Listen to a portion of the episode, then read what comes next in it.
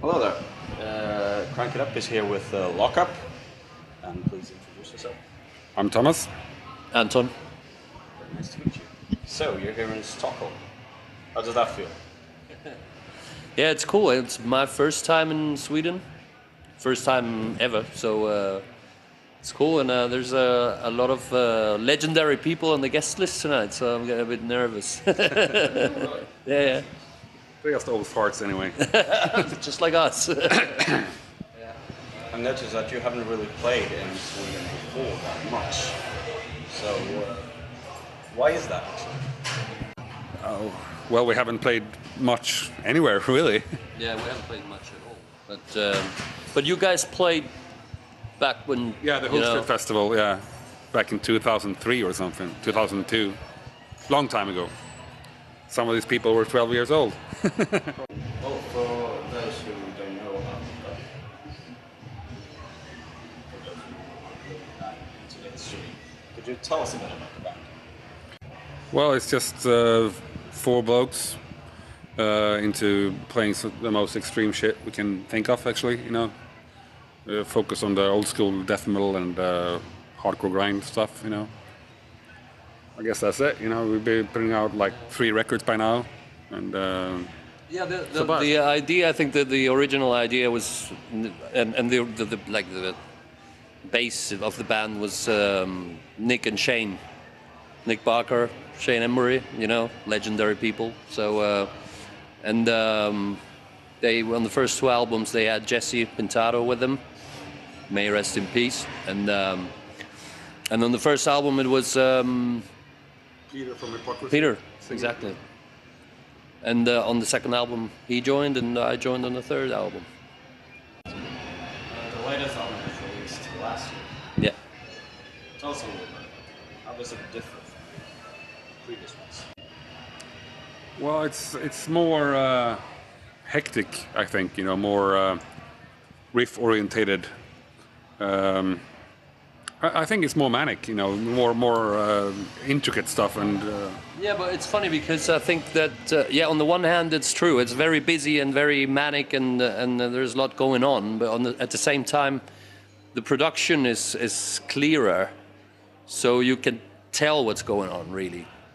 Because sometimes when it's too much going on and the sound is a bit muddy, then you can't really you know understand what's going on. But for this, I think that um, it's pretty intelligible. You know. very happy with the production and, and how it came out. Yeah, it's fast. it's a fast album. Yeah. We haven't mellowed out. If, that, that's what you're worried about. oh, that's good.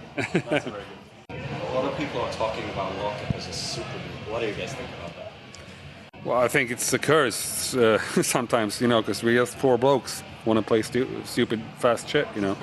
it's I, it it, raises kind of the the, the wrong at- attention, I think, to the band.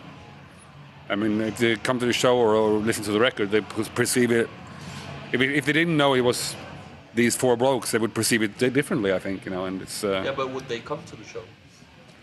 that's that's the idea, isn't? Hopefully, yeah. I mean, it's it's, it's uh, different in a way because people get different ex- expectations. You know, I want I want what we do to stand up, ev- ev- you know, regardless of what we've done done before.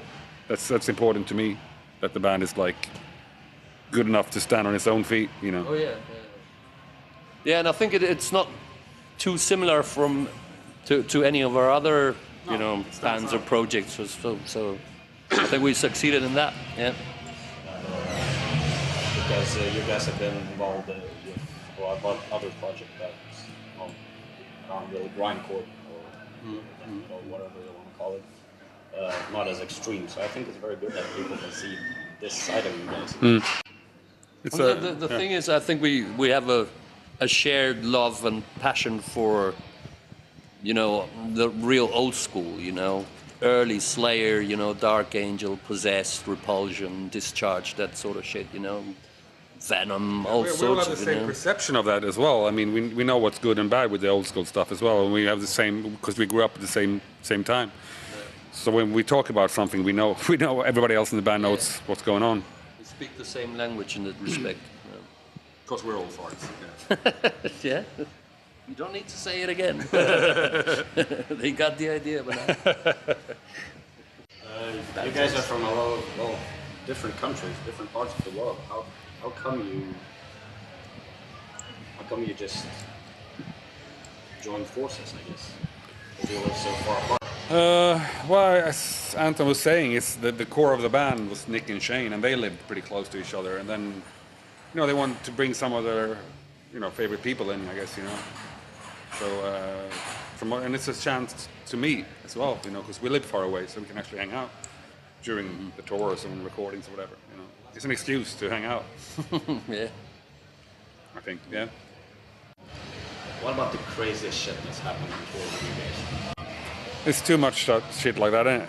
We, uh, If you could pick one story, what would it be? Well, I haven't been with, with the band for long enough. I suppose like there's, I know there was one story involving a BJ and uh, getting up on stage late at with full force. oh yeah, yeah, yeah, yeah, yeah. That's pretty good. when, when, when, when we, uh, yeah, when Jesse didn't come to the, I mean, all respect to Jesse, but you know, it's, we'd had the intro going and we couldn't find him, and you know, the intro was long, but it, we had to shut it up, and we couldn't find him, so we had to wait ten more minutes be, before he showed up. But eventually he came, Yeah, yeah, yeah, yeah, and uh, then, In the- both respects. yeah, yeah, and then, uh, yeah, it was, it was crazy. It was lo- lo- late show and all that. Yeah.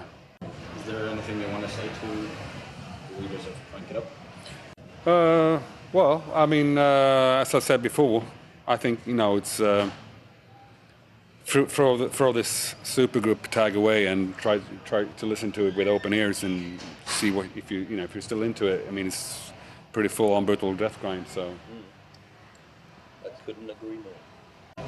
So what can we expect whoa. Uh, I- I- Intensity. yeah, intensity. Yeah. Speed.